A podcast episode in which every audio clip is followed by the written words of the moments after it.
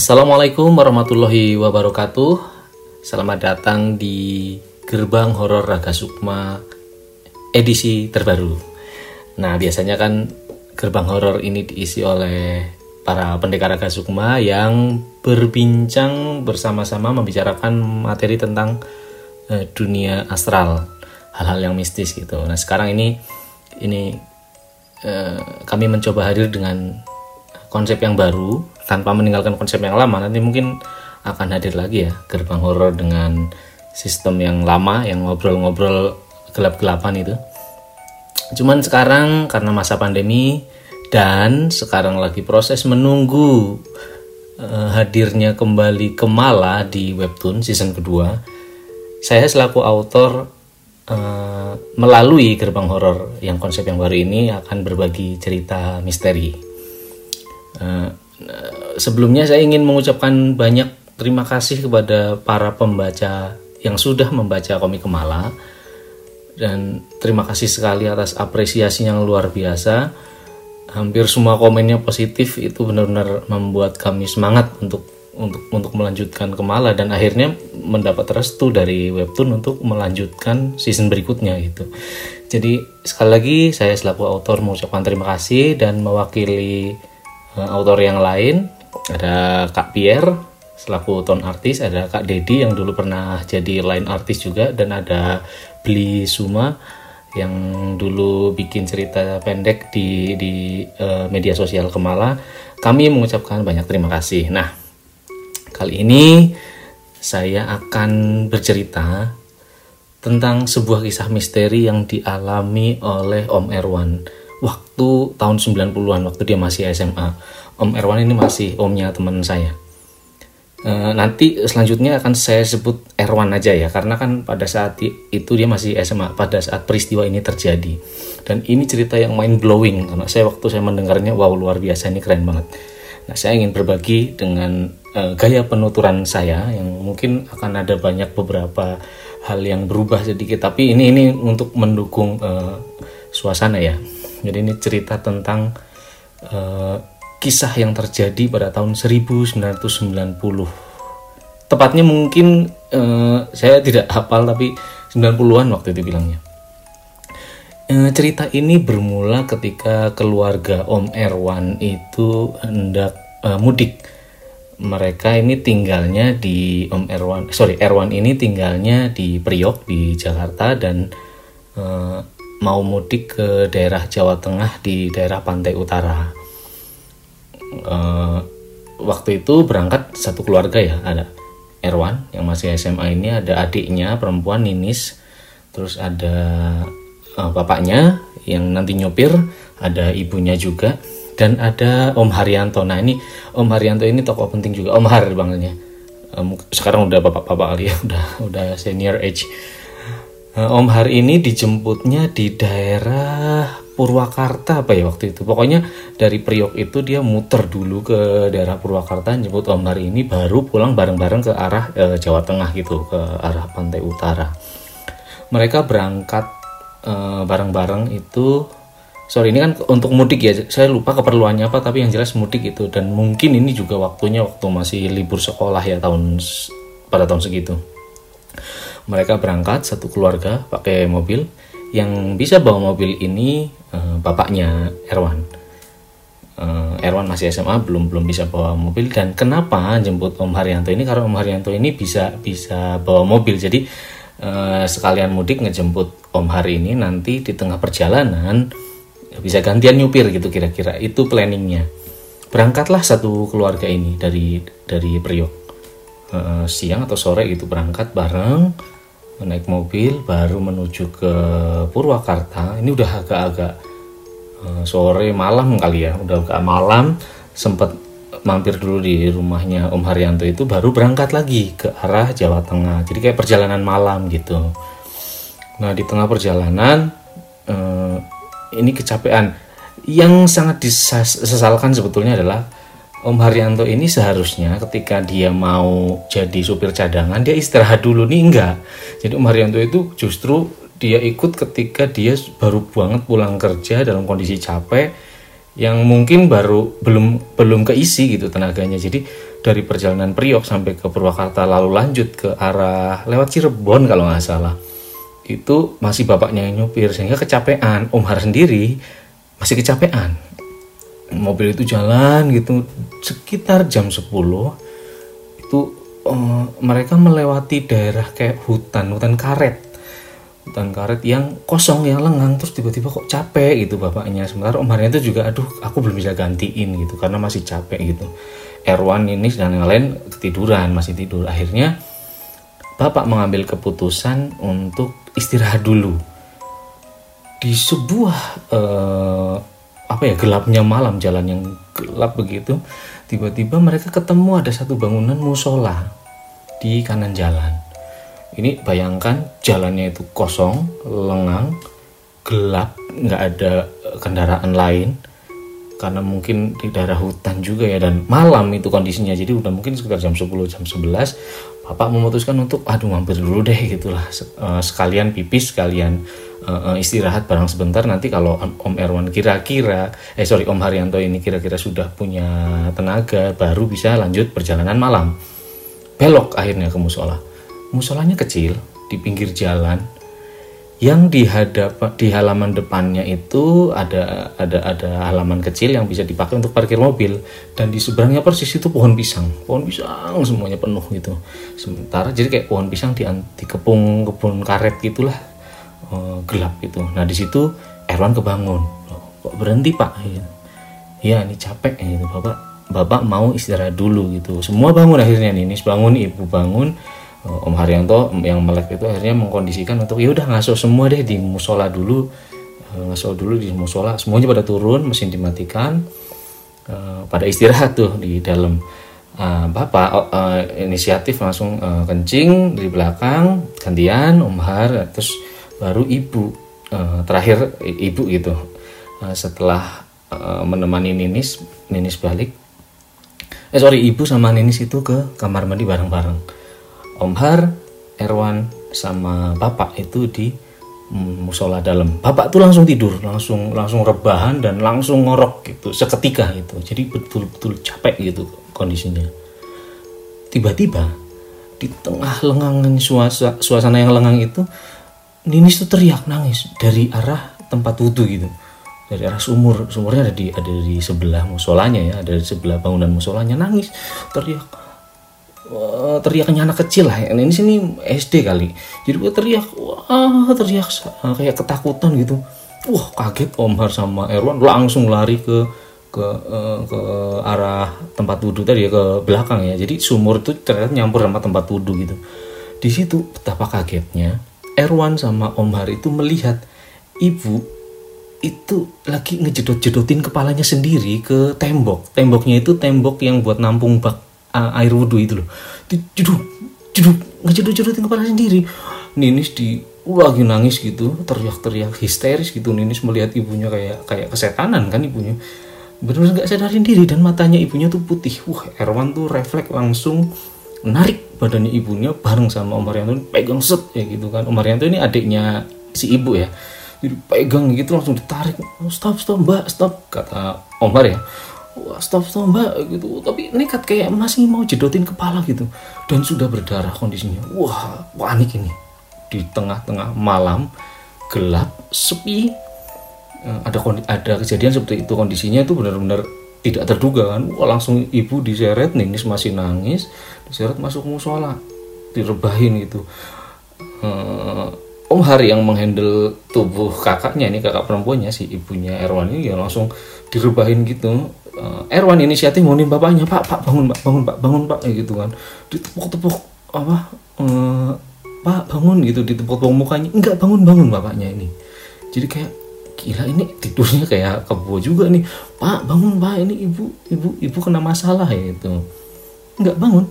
Bapaknya tuh benar-benar tidur aja udah. Kayak kayak mati gitu kayak pingsan gitu. Ninis langsung di pojokan udah uh, di pojokan ruangan musola ya di dalamnya ini nggak dikunci musolanya jadi di dalam gue Ninis di pojokan kencing. Jadi kayak wah pipis lah di, di, di kencing saking takutnya maksudnya. Jadi kencing sangat mungkin tadi belum sempat kencing ya di belakang. Akhirnya kencing di situ saking takutnya. Uh, dan pas lagi ibunya rebah ya masih rebahan gitu dipegang sama Om Har itu ibunya tiba-tiba kayak apa ya kayak orang apa tuh sit up. Jadi kakinya tuh tetap lurus kayak orang rebahan tapi badannya tuh duduk terduduk lalu ngejedotin kepalanya lagi ke belakang dah jadi kayak rebahan duduk rebahan duduk rebahan duduk duduk, duduk. padahal nggak ada yang megangin. Jadi secara secara struktur tubuh yang orang ibu-ibu gitu ya powernya kayaknya mustahil gitu untuk melakukan melakukan gerakan kayak sit up kayak gitu jadi kayak ada yang ngejedotin gitu. Wah, wah Marianto yang tadinya megangin tubuhnya langsung wah refleks megangin jangan jangan jangan. Gitu. Jadi diupayakan supaya tidak ngejedotin kepala belakangnya itu ke, ke lantai musola. Itu Nini semakin histeris. Erwan yang lihat itu ya udah langsung refleks lupain bapaknya gitu langsung megang ibunya. Wah ini ini kondisi uh, udah mulai menegangkan gitu kan. Terus akhirnya udah udah sekarang berangkat aja berangkat aja gitu. Hmm, Om Erwan ini ya udah uh, ya udah uh, karena kondisinya lagi gawat darurat Om Erwan mau tidak mau harus harus berangkat kan. Dia lari. Itu peristiwanya lama ya. Jadi kayak tadi istilahnya dari berhenti mampir itu mungkin jam 10 jam 11an kali. Ini udah udah lewat tengah malam udah jam 12an gitu. Om Erwan lari lihat uh, lihat jam bener jam 12 akhirnya lari ke mobil nyalain mobilnya. Sama sekali nggak nyala. Jadi mestinya cuma ya menggerung aja nggak nyala sama sekali. Waduh ini gawat ini ya gitu. Lagi gawat darurat kayak gitu. Mesin nggak nyala mobil nggak nyala. Langsung refleks bangunin uh, kakak iparnya kan si bapaknya Erwan ini. Mas mas mas bangun mas bangun mas. Enggak bangun. Nih bapaknya li luar biasa. Jadi kayak kayak ada yang kayak yang mengusahakan supaya tetap tidur gitu bapaknya sementara itu ibunya masih dipegang dipeluk sama Erwan. Erwan masih memeluk ibunya Ninis masih nangis. Akhirnya eh, ini ini momentumnya nih apa ya boleh dibilang sangat uh, menguras energi. Jadi bolak-balik ibunya kayak gitu. Nah setelah jeduk-jedukin kepalanya selesai itu kan dari darahnya keluar dari yang jeduk-jedukin yang pertama itu yang di tempat uh, kamar mandi itu itu berdarah. Kondisi kepalanya ibunya itu berdarah yang kedua ini yang jeduk-jedukin di lantai itu memperparah aja kondisi. Akhirnya terus sambil dipeluk ibunya terus teriak-teriak. Kayak ya kesurupan teriak-teriak ini akhirnya dua orang megangin. Erwan sama Om Har ini megangin kuat pegang kuat kuat bukan karena ibunya tuh kayak ya berteriak-teriak memberontak. Dan kalau dilepas sepertinya akan melakukan sesuatu yang mengerikan gitu. Jadi baik Erwan maupun Om Har itu berusaha keras menahan tubuhnya tubuh si ibu supaya nggak nggak nggak ke mana-mana gitu. Itu melelahkan sekali karena lama dan anehnya ini bapaknya benar-benar gak bangun. Ini sudah saking ketakutannya sambil tutup muka udah nangisnya udah sampai nggak keluar suara gitu udah saking takutnya itu malam dan nggak ada yang datang gitu. Sekitar jam 3 subuh lah ibu itu mereda kesurupannya udah mereda mungkin kehabisan tenaga juga mereda akhirnya udah mulai oh ini pelan nih udah mulai pelan nih udah mulai nggak nggak berontak lagi nih ibu nih. Akhirnya direbahkan pelan pelan udah. Terus akhirnya udah ini kan musola itu kan kata Om Har ini kita tunggu sampai sampai jam 5 deh sampai jam 5 jam 4 uh, eh, sampai ada orang datang untuk uh, sholat subuh gitu nunggu jam 5 subuh itu ditungguin. Ya udah agak om, om hari ini berusaha nyalain mesin lagi tetap nggak nyala. Erwan berusaha bangunin lagi, bapaknya lagi tetap nggak bangun. Jam 5 ditunggu. Eh, nggak uh, datang nggak ada yang datang ini masih kondisi masih gelap. Nah mulai jam 6 ini ini aneh. Jadi orang ini kan musola dan masih bagus gitu kondisinya. Normalnya itu ya sholat subuh itu kan jam setengah lima. Ya mungkin jam lima lah setelah telatnya. Ini sampai jam lima itu beneran nggak ada yang datang. Jadi masih belum ada siapa pun yang datang untuk untuk uh, siapa kayak warga sekitar untuk sholat subuh. Karena kalau melihat kondisi musolanya bagus harusnya ini kan musola yang masih difungsikan ya. Betulan nggak ada yang datang ini. Jadi lu kok nggak ada yang datang sih? Ini udah jam 5 dan yang paling mengejutkan yang paling mengguncang nalar adalah ketika sudah jam 6 matahari belum juga terbit. Jadi kondisinya nih kok sama aja kayak tadi ya. Jadi kayak baru nyampe perasaan mereka perasaan Erwan perasaan Om hari ini kok kayak masih sama persis ketika mereka baru sampai di musola itu itu peristiwanya. Jadi benar-benar kayak ya masih jam segitu masih masih jam 12 malam gitu. Padahal kondisinya jam 6 beneran dilihat jamnya jam di musola. Betul ini jam 6 kok kok kok bisa ini ya kok bisa uh, beda sekali kondisinya. Nggak nggak ada matahari terbit nggak ada orang datang. Akhirnya mereka kayak terkepung. Nah begitu mereka sadar ada yang salah dengan dengan situasi yang mengelilingi mereka nah barulah ibunya kesurupan lagi. Jadi kayak ada sesuatu ada yang klik gitu tiba-tiba klik ini ada yang salah. Ibunya kesurupan lagi teriak lagi. Wah Parno si Erwan sama Omar ini langsung megang lagi pegang pegang pegang. Eh gitu. Nah akhirnya uh, jam sekitar jam 7 itu uh, kondisi masih gelap ya nih ya. Catatan kondisi masih gelap. Uh, ini sudah mulai bangun lagi mulai takut lagi itu ibunya mulai teriak lagi. Om hari ini yang menghandle uh, ibunya uh, kakaknya. Jadi dipegang itu tubuhnya si ibu dipegang terus sudah Wan kamu mendingan uh, cari bala bantuan gitu. Cari bala bantuan gitu. Wah ke mana ya kayak gitu kan? Terus terus Erwan nih ya refleks gitu terus dia naik ke atas mobil mobilnya mobil kijang jadi dia naik dari kap depan terus naik ke atas gitu ngelihat ke sekeliling gitu. Nah di hampar hamparan depan uh, apa namanya uh, musola itu kan kebun pisang ya. Nah si Erwan nih ngelihat ada rumah ada rumah di seberang kebun pisang itu beneran ada cahaya kuning. Oh oh ya itu rumah ya gitu. Wah langsung loncat lah Erwan dari mobil dari kap mobil dari kap atas mobil cerit langsung lari nembus ke uh, kebun pisang yang gelap. Ini gelap betul ya kondisinya masih padahal jam 7 gitu. Lari Erwan. Lari lari lari lewat kebun pisang kebun pisang kebun pisang kebun pisang. Dia menuju ke arah cahaya tapi kok perasaan saya kok nggak nyampe nyampe ini Erwan kan ya tidak tidak berpikir yang macam-macam. Yang paling penting itu bala bantuan, bala bantuan di kepalanya udah harus datang gitu. Dia langsung lari ngejar terus ngejar terus ngejar terus dikejar lagi menuju ke titik cahaya di mana uh, ia mengindikasikan ada rumah di situ. Dikejar nggak nyampe-nyampe gitu. Akhirnya loh kok nggak nyampe-nyampe perasaan dari tadi di situ deh. Akhirnya dia memutuskan untuk berhenti. Berhenti dan melihat diperhatikan lagi rumahnya. Rumahnya mundur menjauh rumahnya dan seolah-olah kebun pisangnya itu terdistorsi muncul kebun-kebun pisang lagi yang lain di hadapannya. Jadi kayak membuat rumah itu jauh. Seolah-olah itu dimensi ini kayak lagi di, dipermainkan gitu. Terus Erwan ngerasa wah ini uh, kalau diterusin nggak nggak nggak jadi nggak beres deh. Refleks Erwan balik. Nah pas balik itu juga problem. Jadi mana ya musolanya? Mana musolanya itu kan nggak nyala ya lampunya. Jadi kayak sejak tadi itu nyal uh, apa namanya musola itu tadi gelap ya kondisinya ya jadi ini satu-satunya sumber penerangan ya hanya bulan purnama katakanlah jadi uh, yang masuk lewat bagian depan musola yang mungkin uh, terdiri dari ini ya apa namanya pintu-pintu uh, kaca lari Erwan ke musolanya, wah itu udah makin panik ketimbang tadi pas lagi menuju ke rumah yang ada cahayanya. Orang ini nggak ada cahayanya yang dia tuju. Dia udah berbekal intuisi aja yang diingat-ingat cuma ibunya. Jadi begitu mengingat ibunya itu dia kayak seolah-olah dituntun jalan ya, miracle-nya kayak gitu. Jadi eh, tiba-tiba langkahnya kayak dituntun dia berhasil masuk ke musola lagi. Zot e, ke halaman depan musola lihat mobilnya ah, lega banget untung dia nggak hilang di situ. Dia lari ke e, dalam musola dan masih mendengar teriakan ibunya. Om Har langsung marah-marah. Gila kamu gitu. Ditunggu berjam-jam baru balik gitu kan. Oh berjam-jam berjam-jam gimana om?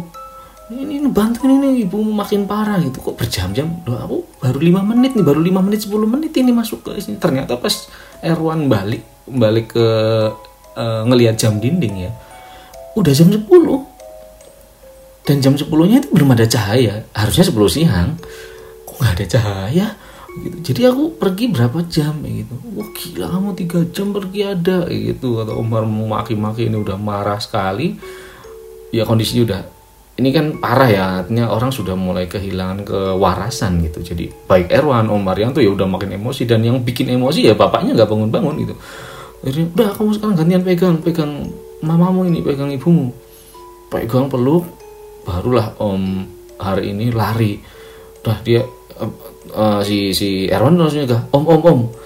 Mencegah Omnya ya jangan jangan masuk jangan masuk kebun pisang jangan begitu ini kondisinya mereka udah basah keringat gitu. Udah dingin kena angin malam keringetan eh, angin siang harusnya karena ini jam 10 tapi masih gelap.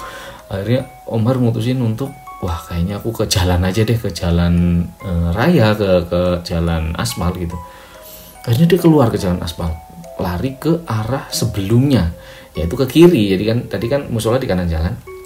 Dia langsung ke ke jalan raya terus ke kiri oh, jalan kosong gitu ya sepi lengang gitu kan. Apa udah amat dah kalau nuruti jalan kan nanti tetap ketemu peradaban gitu. Asumsinya begitu Omar ini kan harus nyari bala bantuan ya siapa pun lah. Uh, bukan sekadar untuk me, uh, sorry bukan bala bantuan untuk menyelamatkan ibunya Erwan dan Inis ya tapi ya bener-bener sekadar nyari peradaban deh ketemu orang deh. Itu untuk untuk untuk apa ya uh, meyakinkan bahwa mereka masih masih di dunia yang sama dengan yang mereka pijak sebelumnya gitu. Oh, akhirnya Om Har itu lari menyusuri jalan uh, apa jalan aspal ke arah mereka datang ya sebelumnya lari gitu. Ini bener-bener hutan karet lurus tapi nggak ketemu lagi. Nah anehnya baru dia lari lurus nih. Lari lurus terus tiba-tiba di kanan jalan dia ketemu musola yang tadi musola yang dia dari tempat dia berasal. Tadi kan dia dari musola berangkat ke kiri. Harusnya ya musolanya ada di sebelah sana di belakang di sebelah kiri. Tiba-tiba di depan nun jauh sekitar 100 meter dia berlari musolanya ada di sebelah kanan. Dia kan heran. Ini musola yang sama dengan yang saya tadi tadi berangkat gitu di di mana ada Erwan dan yang lain di situ. Dia masuk ke situ paksain masuk. Mungkin bukan gitu. Ah masa sih coba masuk? Beneran itu mobilnya sama posisi mobilnya. Begitu masuk ke dalam betul masih ada Erwan masih ada Nini eh, semuanya ada uh, ada kakak iparnya si bapaknya Erwan lagi terbaring. Cuman dia nggak berani nggak berani mendekat. Nih takutnya bukan. Takutnya ini salah nih dia udah kayak gila udah ngerasa gila. Ini dia putar balik balik balik balik. Dia putar balik balik ke tempat yang semula. Tadi kan musola musola duplikatnya ini yang dia datangi. Begitu balik dia sempat hampir putus asa karena hampir gak ketemu. Akhirnya ketemu uh, berhasil ketemu lagi musola yang originalnya lah istilahnya bukan yang duplikatnya ya, yang berada di sebelah sebelah kiri waktu dia berangkat. Wah terus dia langsung belok masuk lagi ke ke musola yang semula. Akhirnya ketemu. Itu gantian yang marah Erwan. Lama banget om gitu kan lama banget gimana ya gitu kan.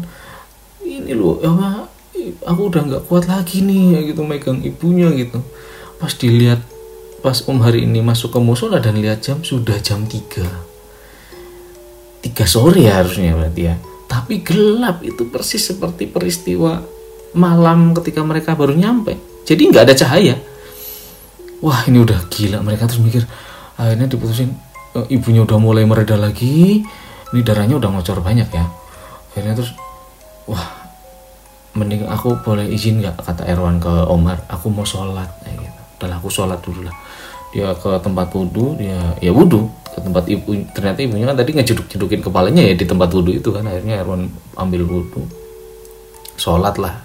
Sholatnya sholat isya asumsinya begitu. Habis karena masih gelap kan ya udah dia sholat isya. Tadi belum sempat ya baru nyampe itu langsung peristiwa menyeramkan ini gitu. Uh, sholat isya. Pas lagi Erwan sholat isya ibunya teriak-teriak. Jadi kayak ya kayak kesakitan gitu teriak-teriaknya Erwan sholat udah nggak peduli.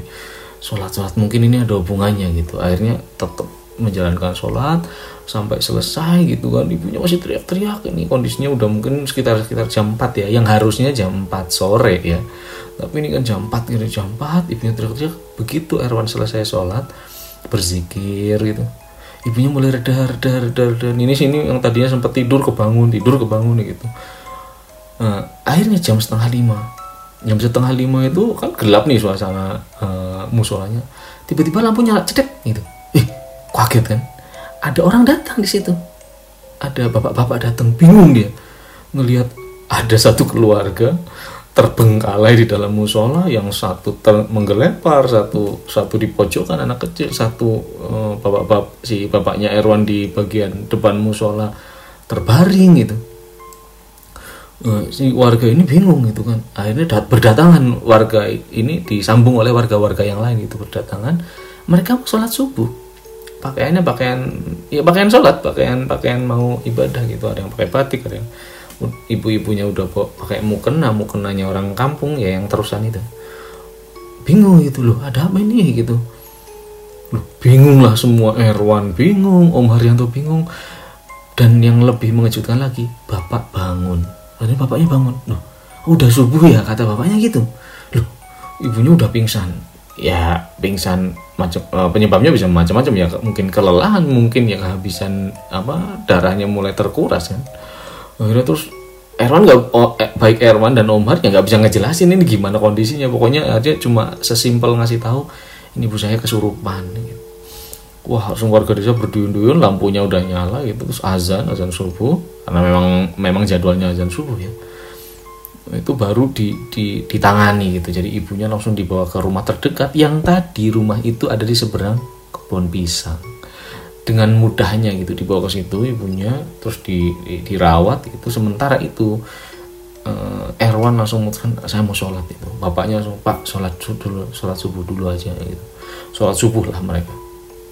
Semuanya uh, Ninis itu nemenin ibunya. Masih kecil ya jadi Ninis nemenin ibunya di rumah warga uh, Erwan Umar bapak itu sholat udah ikut sholat subuh. Wah itu membersihin karpet dulu. Bukan karpet sorry waktu itu kayak tikar pandan gitu loh. Wah, udah kena darah. Terus di pojokan ya ada pipisnya ini sih dibersihin dulu. Akhirnya setelah beres sholat subuh baru penanganan ke rumah itu ibunya benar-benar pingsan. Jadi nggak nggak nggak nggak bangun gitu. Sampai kemudian mereka udah sekarang udah siang gitu. Udah udah terang. Bapaknya udah kondisi fit sementara itu Erwan dan Om Haryanto udah kehabisan tenaga udah tidur udah di di mobil. Bapak nyetir sendiri sampai ke rumah uh, rumah nenek itu rumahnya rumah neneknya Erwan ya udah nyetir. Ibunya masih pingsan di bawah. Uh, begitu sampai di rumah nenek itu langsung ibunya dibawa ke Pak Mantri untuk penanganan. Dan betul uh, darahnya itu berkurang banyak gitu. Jadi kayak langsung ditransfusi kali ya istilahnya. Jadi ditangani di di uh, didiagnosa dan ternyata mengalami uh, gegar ya kepala diciduk-cidukin gitu. Nah akhirnya ya seperti itulah mereka berhasil kabur dari dari uh, malapetaka itu. Nah tapi sejak uh, kita mereka semua bertanya-tanya kan saya juga waktu mendengar cerita ini lo kenapa sih? Ada apa sih kok bisa sampai mengalami uh, kejadian seperti itu? Gitu. Jawabannya Ninis yang tahu gitu. Ya ternyata Ninis itu begitu mereka sampai di musola ya itu kan musolanya di belakang bagian belakang tuh ada ada tempat wudhu ada tempat ada sumur gitu. Nah ini kesalahan mungkin ya. Jadi ibunya pipis dulu karena kebelat kebelat pipis Ninis nemenin ibunya tuh pipisnya di tempat wudhu. Ninis itu udah mungkin ngelihat kok di tempat wudhu gitu tapi ibunya takut karena karena sumurnya tuh gelap sekali gitu. Tempat wudhunya ini kan masih agak terekspos kali ya jadi lebih terang pipisnya di situ. Nah baru baru ketika ketika beres pipis itu ibunya itu kayak kerasukan dan Ninis baru cerita. Jadi ternyata ibunya tuh tidak jedak jedotin kepala sendiri. Dan di dalam musola itu ibunya nggak ngejeduk ngejeduk yang bangun duduk bangun duduk terus ngejeblak terlentang itu bukan tubuhnya sendiri Ninis itu melihat ada orang tingginya itu mungkin 2 meter dua kali lipat orang dewasa hitam semuanya ngejeduk-jedukin kepala ibunya sejak dari tempat wudhu. Dijeduk jeduk jeduk ternyata ada orang gede banget hitam semua cuman matanya kelihatan put ya mata biasa mata orang biasa dua cuman badannya hitam. Jeduk-jedukin kepala ibunya begitu masuk musola masih dijeduk-jedukin lagi jeduk jeduk jeduk itu marah jadi kayak ada marah gitu. Makanya ini nggak bisa ngomong di situ dan baru cerita di ketika dia sudah sampai di rumah neneknya. Itu baru berhasil cerita. Nah, itu sebabnya. Makanya misteri itu kemudian terjawab bagaimana satu keluarga ini terjebak di satu dimensi. Jadi makhluk ini kayak menahan mereka selama 12 jam di dimensi yang sama gitu. Jadi mereka melewatkan 12 jam Eh, di momentum yang mungkin sebetulnya cuma terjadi satu menit gitu di dunia manusia. Makanya begitu uh, beberapa jam mungkin ya enggak menit ya. Makanya bapaknya pas bangun bingung. Nah bapaknya ini karena tidur jadi kayak terselamatkan gitu. Jadi selama dia pantesan tadi nggak bisa bangun-bangun gitu ternyata bapaknya masih tertahan di dimensi sana itu jadi masih di dibikin terlelap lah gitu sementara yang Om Erwan sorry Erwan Om Haryanto dan yang lain itu yang mengalami peristiwa mencekam di dimensi seberang. Itu peristiwanya. Luar biasa. Saya tepuk tangan waktu mendengarkan cerita itu karena wow wow ini gila sih ini. Betapa mereka bisa memanipulasi dimensi ruang itu dan waktu tentunya ya. Jadi kelihatannya waktu berjalan tapi sebetulnya tidak ke mana-mana nah itu kira-kira cerita yang bisa saya bagikan di gerbang horor edisi terbaru. Yang sekalian teman-teman menikmati ilustrasi kemala ya nih Nah nanti ke depannya akan ini sambil menunggu penayangan Kemala season kedua, eh, kami dari Raga Sukma akan berbagi cerita-cerita misteri khusus di channel Padepokan Raga Sukma eh, setiap hari Jumat eh, berselang-seling dengan penayangan materi tentang belajar bikin komik. Terima kasih sudah menyimak dan nantikan cerita-cerita yang lain di gerbang horor edisi berikutnya. Assalamualaikum warahmatullahi wabarakatuh.